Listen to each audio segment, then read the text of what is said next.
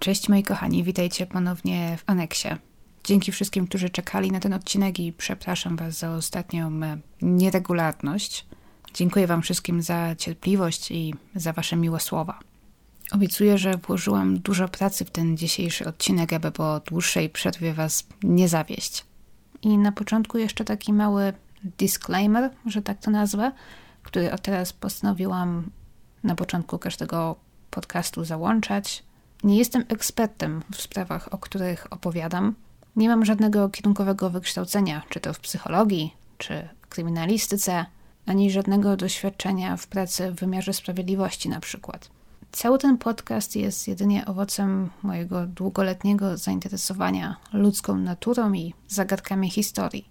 Wszystkie informacje znajduję w ogólnodostępnych źródłach, które zawsze podaję w opisie. Pomimo to oczywiście mogą zdarzać się błędy, ponieważ wszystkie odcinki piszę, nagrywam i edytuję sama. Wszystkie moje podcasty mają zatem jedynie charakter informacyjny, ponieważ zależy mi na rozprzestrzenianiu informacji o osobach zaginionych i o sprawach wciąż czekających na rozwiązanie. Gdy usłyszałam po raz pierwszy o dzisiejszej sprawie, o zaginięciu 19-letniego Bryce'a Laspisy, to sprawa ta została określona jako męska wersja Mary. Tyle oczywiście wystarczyło, aby ta historia miała moje zupełne zainteresowanie. I w tym momencie pozdrowienia też dla Hanki z Szeptanek, która również już o Bryce'ie Laspisie opowiadała. Bryce David Laspisa był rok młodszy ode mnie. Miał 19 lat w roku 2013. Urodził się i wychował w Illinois, na przedmieściach Chicago. Czyli mówimy o młodym mężczyźnie, który oczywiście wiele miał jeszcze przed sobą i którego, przypuszczam, osobowość wciąż się jeszcze kształtowała. Przez bliskich został opisany jako pełen życia, towarzyski, energetyczny. Łatwo zapadał też w pamięć z powodu swoich płomiennych, rudych włosów. Gdy Bryce, który był jedynakiem, skończył liceum, jego rodzice zdecydowali się przejść na emeryturę.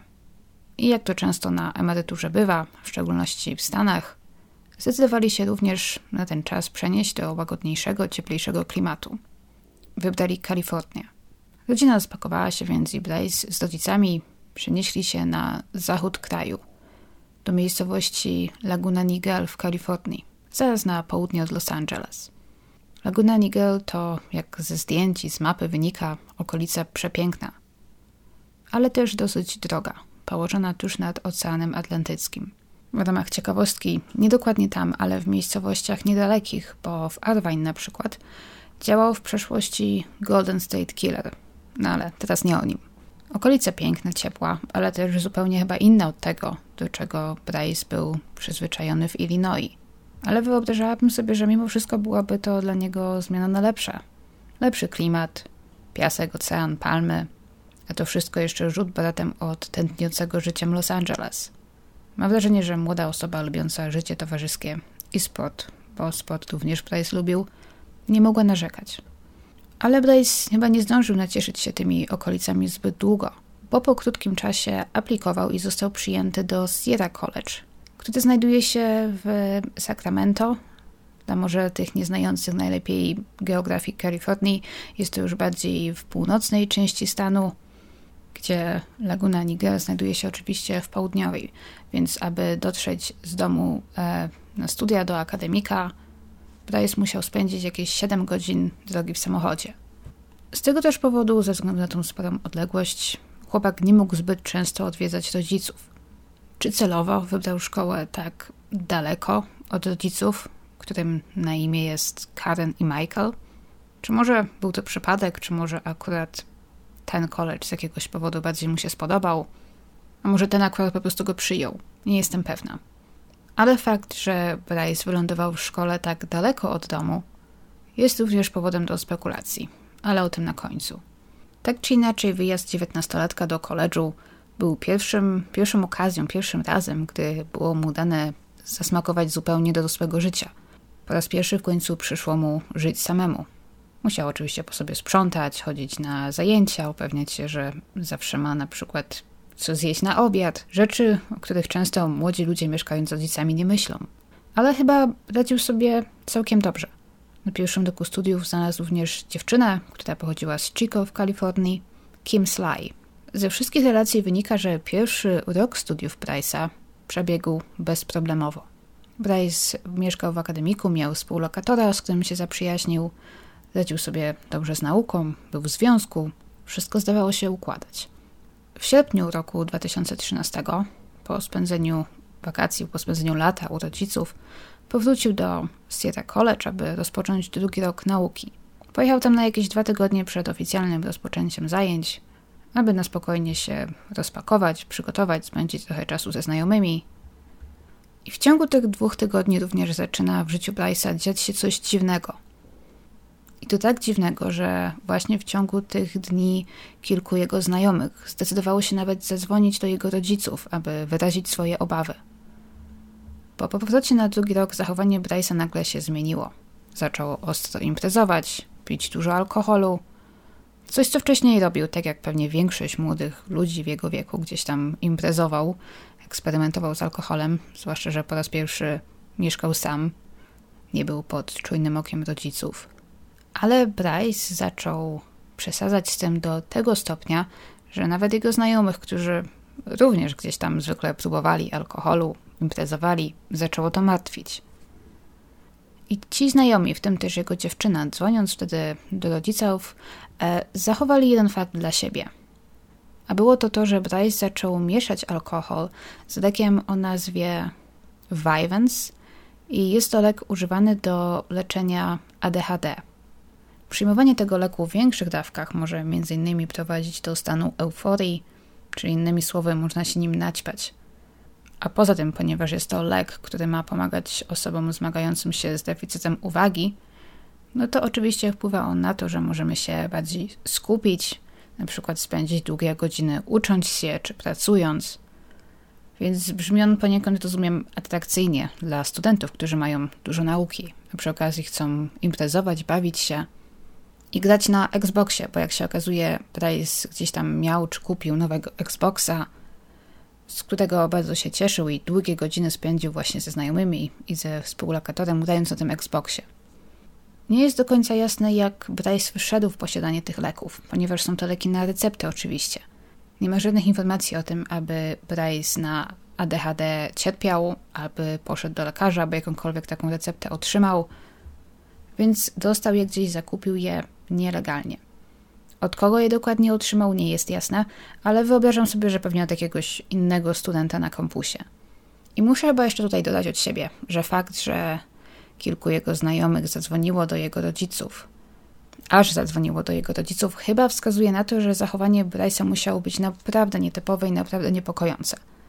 Bo mam wrażenie, że mało który człowiek zdecydowałby się lecieć do rodziców kolegi, aby gdzieś tam naskarżyć, nakablować, że kolega pije i imprezuje. No bo co by nie było w takim wieku, jest to prawie że zachowanie od niektórych młodych ludzi oczekiwane. A fakt, że aż kilku znajomych zdecydowało się ich powiadomić, naprawdę oznacza, że zachowanie Bryce'a musiało ulec drastycznej zmianie. Tak nadszedł poniedziałek, 26 sierpnia. Tego dnia zaczęły się już tam jakieś zajęcia i tego dnia rano Bryce był na uczelni. Później rozmawiał ze swoją mamą, z Karen przez telefon, i zarówno podczas rozmowy, jak i wcześniej podczas zajęć nie wydarzyło się nic nadzwyczajnego. Bryce nie zrobił, nie powiedział niczego niepokojącego, niczego, co mogłoby zapowiadać późniejsze tragiczne wypadki. Następnego dnia we wtorek to jego dziewczyna zauważyła, że coś jest nie tak. Zdała sobie sprawę, że w jego zachowaniu wyraźnie coś się zmieniło. Zapytany o to, w końcu przyznał Kim, że zaczął brać leg Vyvanse, który chyba ma na niego dziwny wpływ. Później tego dnia wysłał Kim SMS-a, w którym sugerował, że Kim będzie lepiej bez niego i gdzieś tam próbował zasugerować, że powinni się rozstać. Coś, co podobno bardzo ją zdziwiło, ponieważ bo wcześniej nie widziała żadnych objawów, żadnych oznak, niczego, co sugerowałoby jej, że Bryce nie jest z nią szczęśliwy. Kolejna rzecz, jaką tamtego dnia Bryce zrobił, moim zdaniem bardzo niepokojąca, to to, że podarował tego dnia swojemu współlokatorowi swojego Xboxa. Tego Xboxa, z którego tak się bardzo cieszył i którego według jego rodziców przynajmniej nikomu od tak za darmo by nie oddał. Podarował mu też drogie kolczyki, bodajże z diamentem czy z jakimś innym drogim kamieniem, które otrzymał od mamy, które często nosił i nawet są widoczne na wielu jego zdjęciach. Ale dlaczego i co to mogło oznaczać, o tym też zaraz pomówimy jeszcze w hipotezach.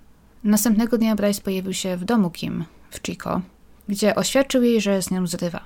Zachował się dziwnie i prawdopodobnie według Kim był pod wpływem czegoś, lub przynajmniej był w bardzo złym stanie psychicznym. Tak złym, że Kim zdecydowała się zabrać mu kluczyki do samochodu, uważając, że chłopak nie powinien był prowadzić w takim stanie. Co oczywiście gdzieś tam doprowadziło do kłótni między nimi. Kim w końcu zadzwoniła do Karen, mając nadzieję, że może ta zdoła przemówić Bryce'owi do rozsądku. Ale Karen po rozmowie z synem wzięła jego stronę i poprosiła Kim o oddanie kluczyków. Co rano, nie mając wyjścia, nie chciała pewnie wyjść na jakąś zaborczą dziewczynę, która może nie może sobie poradzić z zerwaniem, no nie miała co zrobić, po prostu mu te kluczyki oddała. Bo według Karen, jak później wytłumaczyło, Bryce brzmiał przez telefon trzeźwo, rozsądnie, nie wyczuła w jego głosie niczego dziwnego. Uwierzyła tłumaczeniom syna, że Kim zabrała mu kluczyki tylko dlatego, że jest zraniona zerwaniem i ma nadzieję, że uda się go jeszcze przekonać do zmiany zdania. Karen jednak zasugerowała wtedy, że przyjedzie może do Sacramento zobaczyć się z synem, ponieważ zaczęła się o niego martwić. Co tutaj trochę przypomniało mi sprawę Emmy Filipow, tak swoją drogą. Ale Bryce odradził jej to, mówiąc, że to on pojedzie do domu. I według Karen, według oficjalnej wersji, on też wspomniał, że ma jej dużo rzeczy do opowiedzenia, gdy się zobaczą, ale nie sprecyzował, o co dokładnie chodzi, nie poczynił żadnej aluzji, co to mogłoby być. A znów według innej wersji, może według plotek, czy może też domysłów internautów, Bryce miał zasugerować, że ma jakieś problemy psychiczne, z którymi nie może sobie poradzić. I zapewnienie, że Bryce chce jechać do domu, również spowodował, że Karen po prostu chciała, aby Kim oddała mu kluczyki. I ona chyba wtedy zrozumiała, że Bryce ma na myśli, mówiąc o domu, ma na myśli oczywiście akademik. Miał zamiar wrócić do Sierra College, który nie znajdował się znów tak daleko od Chico. Ale Bryce'owi chyba chodziło o coś innego, bo jak się okazało, ruszył tamtej nocy w stronę domu, ale nie tego domu. I tak w końcu opuścił dom Kim w swoim samochodzie w Toyocie Highlander około 23.30. Kilka godzin później, bo gdzieś po pierwszej w nocy, Bryce wykonał telefon do Karen, która nie odebrała. Według jednych źródeł nie chciała, według innych już spała, według jeszcze innych przegapiła ten telefon, a gdy później zobaczyła nieodebrane połączenie, no to już nie odzwaniała, ponieważ założyła, że syn dzwonił do niej po to, aby dać jej znać, że bezpiecznie dotarł do mieszkania na kampusie, ponieważ poprosiła mu właśnie o to, aby dał jej znać, jak będzie w domu. Ale jak się później okaże, Price nigdy nawet nie pojechał w tamtym kierunku. Zamiast tego ruszył na południe, w kierunku domu swoich rodziców. A w czwartek rano wykonał telefon na pomoc drogową. Jako swoją lokalizację podał Baton Willow, miasteczko kilkaset kilometrów na południe od Sierra College i mniej niż 300 kilometrów od Laguna Niguel. Analizując czas, można wywnioskować, że po opuszczeniu domu Kim w Chico, Bryce od razu ruszył w drogę, nie zatrzymał się nawet na chwilę w swoim mieszkaniu na kampusie. Musiał jechać całą noc. I jechał tak jechał, aż najwyraźniej skończyła mu się benzyna, czego chyba, z czego chyba nie zdawał sobie sprawy, bo w końcu utknął. No ale na szczęście zadzwonił na pomoc drogową i benzyna została mu dostarczona około 9 rano. Przez ten czas podobno Bryce jednak z nikim się nie skontaktował, nie dał nikomu znać, że jest w drodze, po prostu czekał na pomoc drogową. Jego rodzice jednak sami odkryli to tego dnia później, około 12 w południe, gdy na ich koncie bankowym pojawiła się opłata za skorzystanie z pomocy drogowej. I rozumiejąc, że Bryce musi najwyraźniej być w drodze do nich, oczywiście zaczęli do niego dzwonić, ale chłopak nie odbierał. Może był zajęty prowadzeniem, może czymś innym, a może nie chciał z nimi rozmawiać, kto wie. Karen w końcu skontaktowała się z tą firmą i poprosiła o kontakt do osoby, która wcześniej dostarczyła synowi to paliwo. Miała nadzieję, że może od niego się czegoś dowie. W końcu została połączona z mężczyzną imieniem Christian, a według innych źródeł Carlos, który w Baton Willow mieszkał i który zrelacjonował jej, że właśnie rozmawiał rano z Bryce'em i że wtedy wszystko wydało się być z nim w porządku. Nie mógł zaoferować żadnych informacji na temat planów czy destynacji Bryce'a, ponieważ zwyczajnie ich nie znał, ale zaoferował, że pojedzie w miejsce, w którym zostawił Bryce'a i zobaczy, czy chłopak może z jakiegoś powodu dalej gdzieś w okolicy się nie znajduje. Oczywiście szanse, że Bryce dalej siedziałby w tym samym miejscu były nikłe, ale Christian, rozumiejąc oczywiście obawę rodziców, chciał pomóc. Ku swojemu zdziwieniu znalazł Bryce'a dokładnie w tym samym miejscu, w którym pozostawił go kilka godzin wcześniej. Będąc tam, zadzwonił zatem do Karen, mówiąc, że znalazł jej syna, który dalej siedzi w samochodzie. Powiedział też, że wygląda na zmęczonego i ma wyraźnie zaczerwienione oczy. Karen poprosiła o rozmowę z synem oczywiście. Próbowała od niego wyciągnąć, co się dzieje, co on robi, ale nie mogła otrzymać żadnej konkretnej odpowiedzi. Zapytany, co robi, Bryce odparł po prostu, że nic. Zgodnie z prawdą w zasadzie.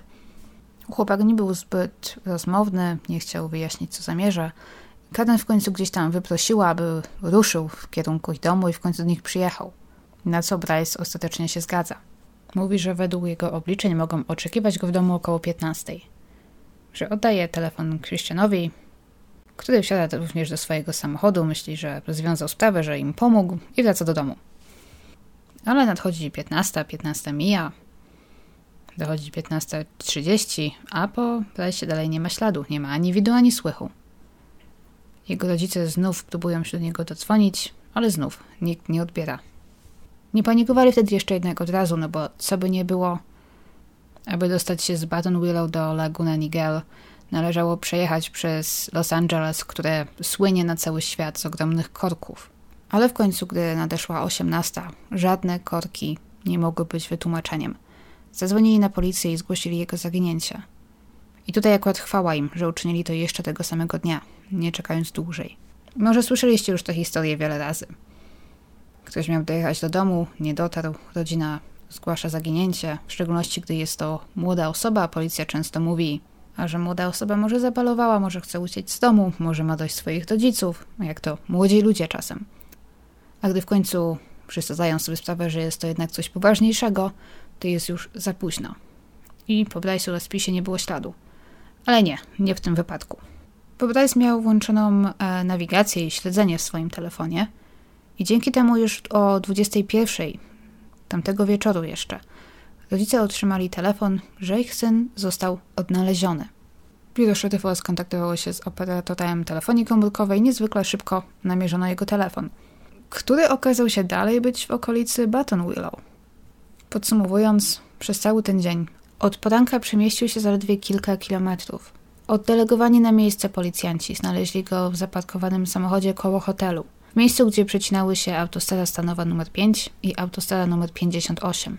Sytuacja oczywiście staje się coraz bardziej dziwna. Dlaczego chłopak, mimo że ma teraz pak pełen paliwa, wciąż siedzi w tym samym miejscu? Bryce został poproszony o to, aby wysiadł z samochodu i aby poddał się testowi na trzeźwość. Chłopak wykonał wszystkie polecenia policji, bez stawiania żadnego oporu. I z tego, co zrozumiałam, nie był to ten test na trzeźwość, gdy dmuchamy w alkomat, lecz ten, w którym tam prosi się kierowcę o przejście na przykład po linii prostej, nie wiem, policzenie tam od 20 w dół, czy tam, nie wiem, dotknięcie nosa, stając na jednej nodze i te takie inne rzeczy. I o dziwo, chyba ku zdziwieniu wszystkich, Bryce ten test zdał bez problemu. Wyraził też zgodę na przeszukanie samochodu, w którym również policjanci niczego nie znaleźli. Żadnych narkotyków, alkoholu, niczego podejrzanego. Zapytany, dlaczego siedzi w samochodzie w jednym miejscu przez praktycznie cały dzień i dlaczego nie jedzie do domu, odpowiada, że odpoczywa po długiej drodze i próbuje się uspokoić. Ale nie wyjaśnił chyba, co była powodem zdenerwowania, ale tak spekulując, mogło to być też by zerwanie z dziewczyną dzień wcześniej. Bryce jest więc trzeźwy, odpowiada na pytania z sensem. Nie łamie w żaden sposób prawa, siedząc we własnym samochodzie na parkingu. Gdy funkcjonariusze proszą go jednak, aby zadzwonił do domu, ponieważ jego rodzice się martwią, tak się martwią, że aż złożyli zawiadomienie o jego zaginięciu, Bryce odmówił. W końcu jednak, chcąc jakoś rozwiązać tę dziwną sytuację, jeden z policjantów sam zadzwonił do państwa Laspisa, poinformował ich, że z Bryce'em wszystko w porządku, że nie zdaje się być pod wpływem niczego podejrzanego i w końcu Bryce dał się namówić na krótką rozmowę z mamą, której znów obiecał to samo, że wsiądzie w samochód, że ruszy w kierunku domu. Znów nie zaoferował jednak żadnego wyjaśnienia, co było powodem jego dziwnego i zagadkowego zachowania. Ale tak czy inaczej, sytuacja zdaje się być na tamten moment rozwiązana. Bryce spakuje swoje rzeczy, rzeczy, które wcześniej wyjęła policja z jego samochodu, przeszukując go, pakuje je z powrotem i zaczyna szykować się do drogi, a policjanci odjeżdżają. Rodzice dalej oczekują na niego w domu. Niedługo później jednak Christian albo Carlos, ten facet od benzyny, zdecydował się zadzwonić do Karen, aby zapytać, czy jej syn dotarł bezpiecznie do domu. Bo gdzieś tam ta dziwna sytuacja z poranka dalej go męczyła, no i chyba był ciekawy po prostu, jak ta historia się skończyła. I gdy Karen mu tam zrelacjonowała wszystko, że musieli zgłosić jego zaginięcie na policję, że go odnaleźli i że teraz już chyba jedzie do domu, no to Christian, kierowany chyba jakimś przeczuciem, zdecydował się pojechać jeszcze raz w tamto miejsce. Jako, że miał niedaleko, po prostu chciał się upewnić, że tym razem Bryce na pewno opuścił okolice. I tak, dobrze się domyślacie. Bryce dalej siedział w tym samym miejscu, na parkingu koło hotelu. Sytuacja znowu powtarza się, więc telefon do Michaela i do Karen, rozmowa z Bryce'em, który znów obiecuje, że ruszy w drogę. Ale Christian tym razem, nie tak jak policjanci wcześniej, istotnie czeka, aż Bryce wsiądzie do samochodu, odpali go i ruszy. Poszedł nawet o krok dalej, bo potem, gdy Bryce już ruszył z miejsca, to nawet podążał za nim przez kolejne 30 minut, do czasu, aż Bryce nie wjechał na dużą autostradę. Tam zawrócił i po raz ostatni zadzwonił do Karen, aby poinformować ją, że Bryce zmierza bezpiecznie do domu.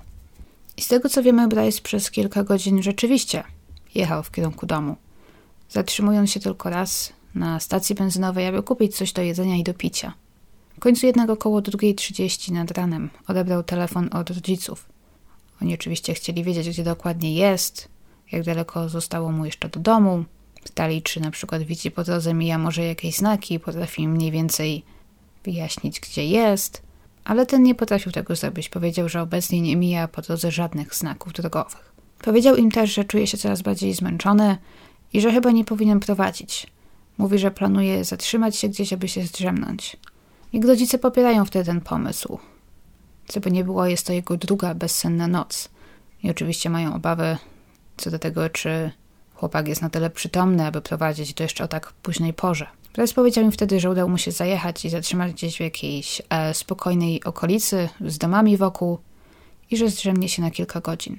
Karen i Michael poparli ten pomysł, uzgodnili, że oni również idą spać, powiedzieli sobie dobranoc i ustalili, że zobaczą się rano. I to jest ostatni raz, kiedy mają kontakt z synem tamtej nocy. A następnego dnia rano, późnym porankiem, w domu państwa Laspisa rozbrzmiewa dzwonek do drzwi. Karen i Michael pędzą do drzwi, przywitać syna. Ale zamiast tego w drzwiach widzą policjanta, który informuje ich, że wcześniej rano Toyota Bryce'a, która oczywiście oficjalnie była zapisana na nich, została znaleziona rozbita. Kierowcy jedący drogą Lake Hughes wzdłuż jeziora Castaic Zauważyli jego rozbity samochód o 5.30 rano, a po nim samym nie było śladu. Okolice jeziora Castaic to przepiękna okolica, zaraz na północ od przedmieści Los Angeles. Samochód nie był tyle porzucony, co rozbity i leżał na boku. Ktoś zjechał nim ze skarpy, jakby z zamiarem zjechania samochodem do jeziora. Ale ten rozbił się jednak na ziemi, która nie była widoczna z góry, Później analiza śladów na piasku wykaże, że przed krawędzią nie było żadnych śladów hamowania. Eksperci ocenią nawet, że wszystko wyglądało tak, jakby samochód wręcz przyspieszał, dojeżdżając do krawędzi. W samochodzie znaleziono niewielkie ilości krwi, która okaże się należeć do Bryce'a, ale było to zaledwie kilka kropli na siedzeniu kierowcy oraz na siedzeniu pasażera. Poza tym w samochodzie wciąż znajdował się jego telefon komórkowy, laptop i portfel. Koło samochodu leżała niewielka torba, otwarta i pusta. Tak jakby Bryce coś z niej wyjął i ze sobą zabrał. W samochodzie wybita była tylna szyba. Szkło leżące głównie na ziemi, poza samochodem, wskazywało na to, że została ona wybita od wewnątrz i że to właśnie w ten sposób Bryce wydostał się z rozbitego samochodu. Zakładając, że Bryce mógł być zdezorientowany, w szoku lub z poważnymi obrażeniami głowy, lub innymi poważnymi obrażeniami wewnętrznymi, zadecydowano oczywiście o natychmiastowych poszukiwaniach. Wierzono, że po wypadku Bryce nie mógł oddalić się daleko. Skupiono się na okolicznych lasach, polach oraz przede wszystkim na samym jeziorze. Sprowadzono nurków, którzy spędzili tam łącznie cztery dni, ostatecznie niczego nie znajdując. Dwa lata później, w roku 2015, Rodzice chłopaka wynajmą też sonar, mający na celu dokładnie sprawdzenie dna jeziora, ale znów bez skutku. Sprowadzono też psy tropiące, o które zawsze pytacie, jeżeli zapomnę o nich wspomnieć. Więc odpowiadając na Wasze pytanie, tak, w tym wypadku wykorzystano psy, które podjęły trop przy samochodzie i zaprowadziły śledczych wzdłuż Lake Hughes Road w stronę autostrady numer 5. I tam ślad nagle się urwał. Jeżeli chłopak istotnie wydostał się z samochodu i istotnie dotarł tam, gdzie wskazały psy, to zdecydowanie miał tam szansę poprosić o pomoc, bo na mapie widać, że są tam zabudowania, domy, stacja benzynowa, sklepy. Jednak nie znaleziono nikogo, żadnego świadka, kogoś, kto by go zapamiętał lub udzielił mu pomocy. Fakt, że ślad urwał się tak nagle i to jeszcze przy często uczęszczanej drodze, może wskazywać na to, że Bryce na przykład złapał stopa. Podkreśla się też często, że w pobliżu znajduje się postój ciężarówek, więc może Bryce'owi udało się załapać właśnie na taką podwózkę. I jak pamiętacie, powiedziałam, że o 2.30 rano Bryce rozmawiał z rodzicami, mówiąc, że jest w spokojnej okolicy, pełnej domów jednorodzinnych i że zaparkuje w cichym miejscu i utnie sobie drzemkę. Przy wjeździe na drogę Lake Hughes, która prowadzi do jeziora, znajduje się kamera, która fotografuje tablice rejestracyjne samochodów, które na nią wjeżdżają. Samochód Bryce'a został tam sfotografowany o 2.15 rano, czyli kilka minut przed tym, gdy Bryce z rodzicami rozmawiał, co wskazuje na to, że Bryce kłamał, rozmawiając z Karen i Michaelem, ponieważ w tamtej okolicy zdecydowanie żadnych domów nie ma. Wydałoby się więc, że Bryce zdecydował się zjechać do jeziora niedługo później. Ale nie, tutaj wiele rzeczy nie ma sensu, wiele rzeczy jest nietypowych. Bo dwie godziny później jego samochód ponownie wjechał na tę samą drogę. Został sfotografowany po raz drugi w tym samym miejscu, około 4.20 rano. Co oznacza, że Bryce objechał całe jezioro, przejechał całą drogę Lake Hughes, gdzieś tam zawrócił, wrócił na autostradę numer 5 i po dwóch godzinach ponownie wjechał na Lake Hughes.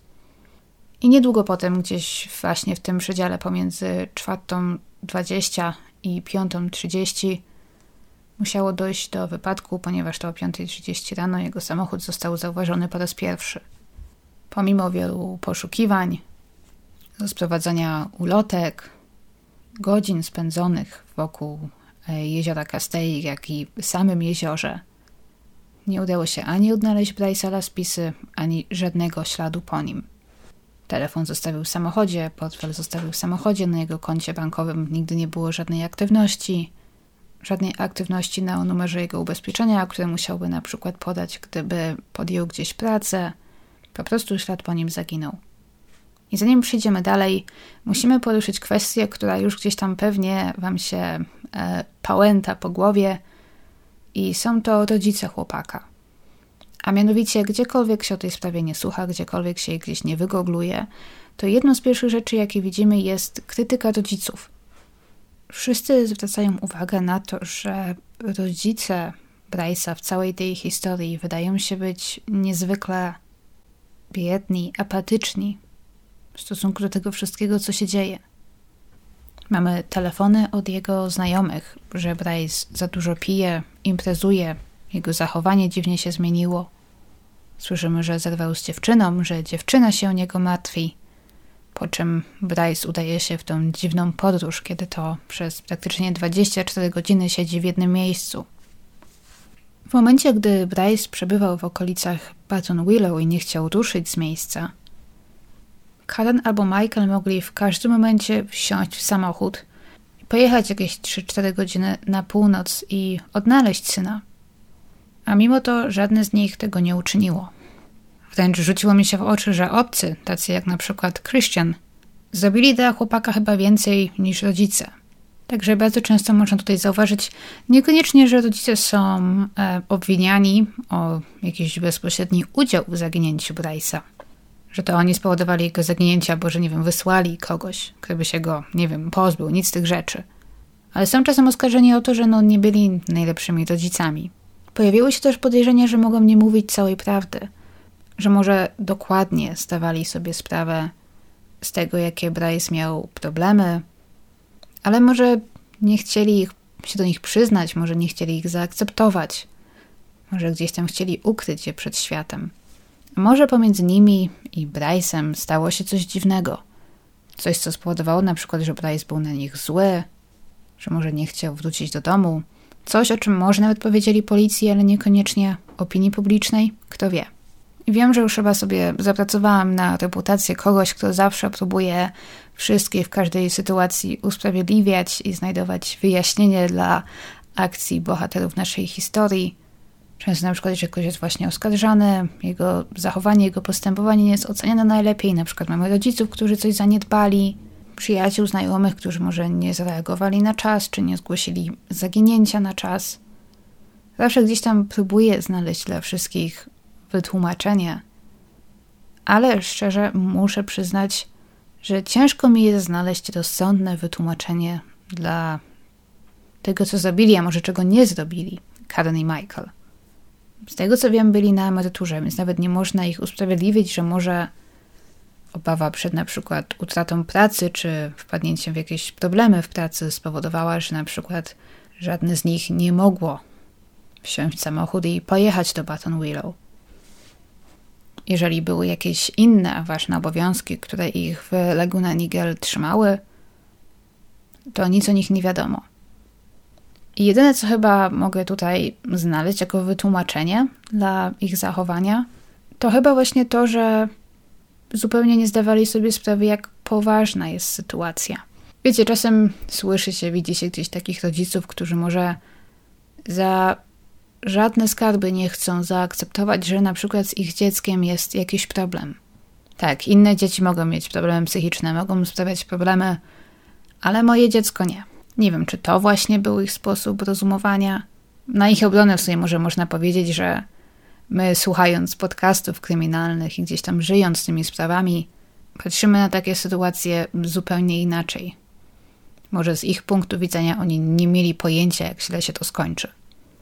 No ale to właśnie wszystko powoduje, że gdzieś tam pojawiły się jakieś podejrzenia, że relacje rodzinne nie były najlepsze, że stało się coś złego, że może Bryce odkrył jakiś poważny rodzinny problem. Może to spowodowało, że na przykład zaczął brać narkotyki, że zaczął pić. Było coś, z czym nie mógł sobie poradzić. Pojawiły się gdzieś tam spekulacje, że może Bryce odkrył, że był adoptowany. Jak się okazało, Karen była jego biologiczną matką, ale nie Michael, o czym Bryce podobno wiedział. Michael był jego ojczymem, zaadoptował go, gdy ten był mały, ale traktował go jako syna, Bryce mówił do niego tato i podobno tutaj nie było żadnego problemu, więc akurat ta adopcja chyba nie jest najlepszym tropem. Nie sądzę też, żeby to było aż takim problemem dla Bryce'a, jeżeli wiedział o tym wcześniej. Moja sytuacja rodzinna jest prawie identyczna i nigdy nie było to żadnym problemem. Czasem podkreśla się jednak, że Bryce, jako też, że był jedynakiem, to uwaga rodziców, a w szczególności podobno uwaga Karen tak bardzo skupiła się na Bryce'ie, że ten nie czuł się z rodzicami dobrze, nie czuł się w domu dobrze. To by w sumie mogło też wyjaśniać, dlaczego wybrał college, który znajdował się tak daleko od domu. Czasem zarzuca się Karen, że ta nie chciała zaakceptować, że jej syn na przykład może mieć jakieś problemy ze sobą, problemy psychiczne. Nie chciała się przyznać na przykład, że ich rodzina ma jakiś problem. Chciałaby wszyscy postrzegali ją jako idealną matkę, idealną rodzinę, ale to są tylko takie moje spekulacje, ponieważ co by nie było, nawet w sumie nie spekulacje, raczej rzeczy, które można przeczytać w internecie, o których gdzieś ludzie spekulują, które czasem powstały na podstawie plotek czy informacji gdzieś tam podanych na przykład przez znajomych Bryce'a. Tak czy inaczej, one oczywiście mogą nie być do końca trafne i szczerze przypuszczam, że nie są.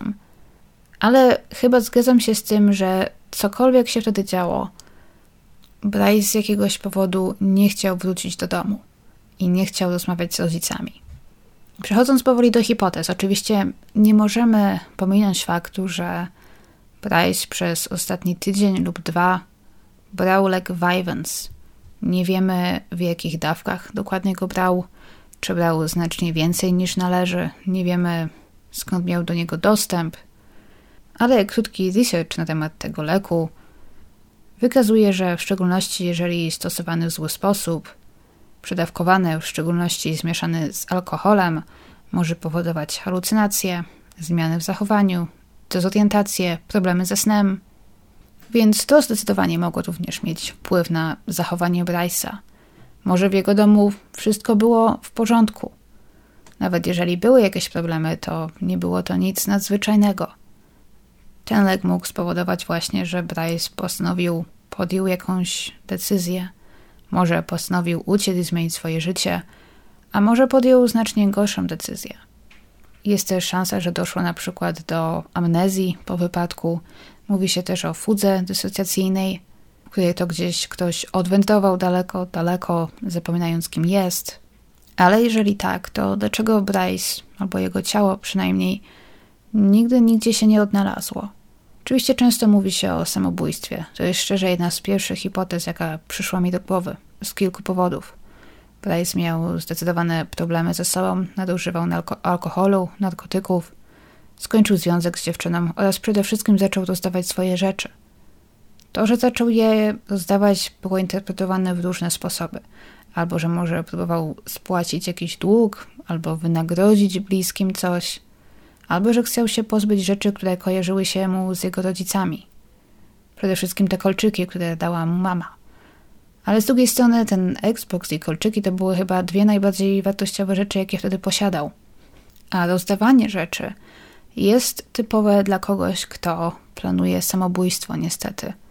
To plus skończenie związku niestety nie wróży tutaj najlepiej.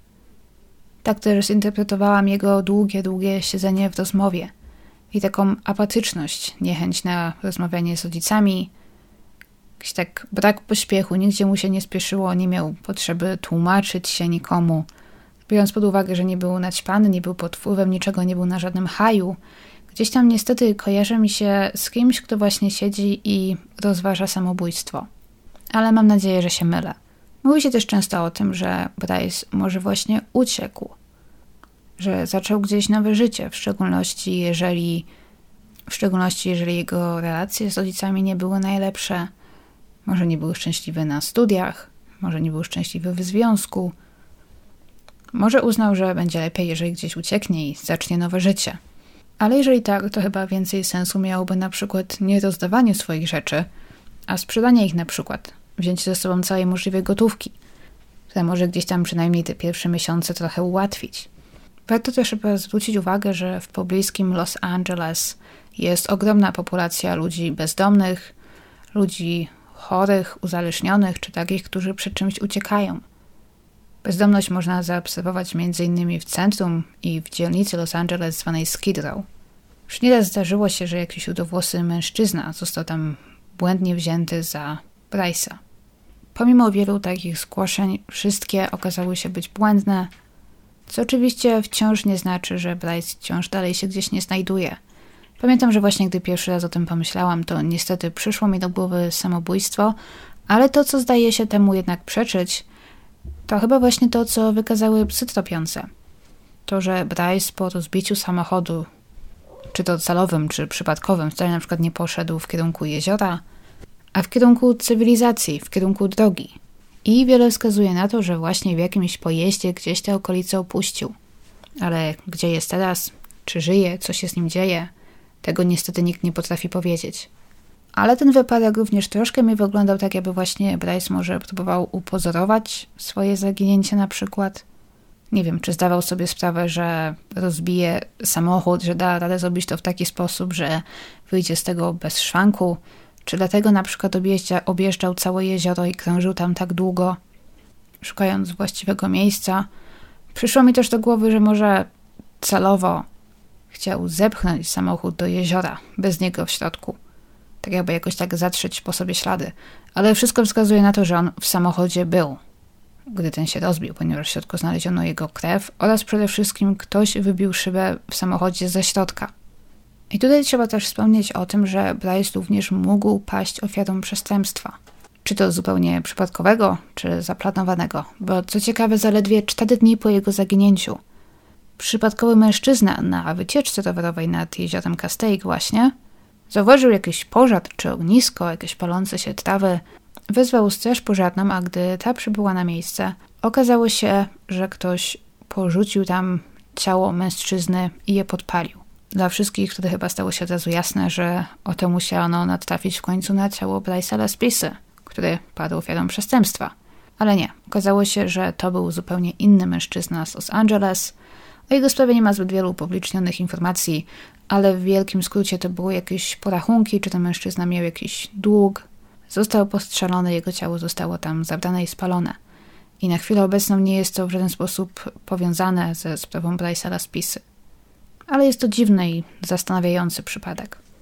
Gdzieś też sugeruje się, że może właśnie Bryce padł ofiarą przestępstwa, ponieważ, nie wiem, wpadł w jakieś podejrzane towarzystwo, skądś w końcu dostawał te leki na receptę.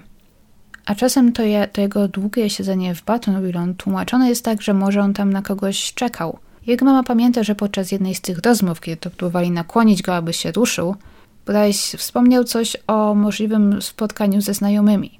Może był to sposób na jakoś tam odwleczenie czasu, na uspokojenie rodziców, wytłumaczenie im, że może gdzieś tam się z kimś spotyka, wychodzi, żeby przestali go dręczyć, nakłaniać na powrót do domu. Ale może było w tym trochę prawdy, może Bryce istotnie na kogoś czekał. Nikt z nas niestety nie może odpowiedzieć na te wszystkie pytania, ale jestem ciekawa, jakie wy macie hipotezy, co wam wydaje się najbardziej prawdopodobne. Czy ta sprawa skojarzyła wam się może z jakimiś innymi sprawami, bo mnie skojarzyła się z wieloma z Emmą Filipow, z Morą Mary, z Antonem Swansonem. Nie wiem dlaczego, ale te historie o ludziach, którzy zaginęli po porzuceniu gdzieś samochodu, jakoś tak do mnie przylgnęły. Warto pamiętać, że Bryce może wciąż gdzieś przebywać. Wydaje się to dosyć prawdopodobne. Ostatni raz był widziany w białych szortach, niebiesko-białej podkoszulce i biało-czerwonych butach. Obecnie miałby 27 lat. Jego najbardziej charakterystycznymi cechami są oczywiście rude włosy, zielone oczy oraz duży tatuaż na lewym ramieniu, przedstawiający głowę byka, jako że był to jego znak zodiaku, oraz datę jego urodzin, zapisaną cyframi romańskimi. Pomimo upływu lat, oczywiście Bryce wciąż jest poszukiwany, jego sprawa jest otwarta. Obecnie niestety nie dzieje się w niej za wiele, ale jego rodzina, jego przyjaciele wciąż są aktywni, wciąż go szukają. Przez jakiś czas również organizowali różne czuwania, modlitwy, spotkania poświęcone zaginieniu Bryce'a, ale obecnie robią to coraz rzadziej. Jego mama wytłumaczyła raz, że te spotkania i czuwania niestety nie posuwają śledztwa w żaden sposób do przodu, a jedynie powodują im więcej bólu. Pomimo całej tej krytyki, jaka na rodzinę spadła, wyraźnie jednak wciąż go szukają. I trzymam kciuki, że Bryce kiedyś się odnajdzie, że te moje pierwsze przemyślenia, pierwsze co przyszło mi do głowy, że niestety chłopak chciał zrobić sobie krzywdę. Mam nadzieję, że to wszystko okaże się zupełnie błędne, że jestem tutaj w błędzie i że Bryce uciekł gdzieś, że żyje. Nawet jeżeli nie w najlepszych warunkach, to że żyje i że kiedyś się odnajdzie, że przynajmniej da znać swojej rodzinie, że wszystko z nim ok, jeżeli nie ma ochoty utrzymywać z nimi kontaktu. Jeżeli ktoś z Was myśli, że ma jakieś informacje na temat tej sprawy, wydaje mu się, że gdzieś Bryce'a widział, bo może żyje w Kalifornii na przykład, to oczywiście w opisie pod filmem, jak zawsze, dostępne są linki. Będzie strona na Facebooku prowadzona przez rodzinę, będzie profil na Charlie Project, między innymi tam można znaleźć kontakt rodziny albo do odpowiednich organów, którym można te informacje przekazać. W sumie powinnam o tym informować chyba na końcu każdego odcinka o zaginięciach. Przepraszam, że tego nie robię. Teraz się poprawię. I cóż, dzięki za słuchanie, dzięki za cierpliwość przede wszystkim. Mam nadzieję, że teraz wrócimy już do bardziej regularnego trybu podcastowego. Dzięki za słuchanie, dzięki za oglądanie, dzięki, że jesteście ze mną, dzięki za wsparcie i trzymajcie się, miłego tygodnia. Pa!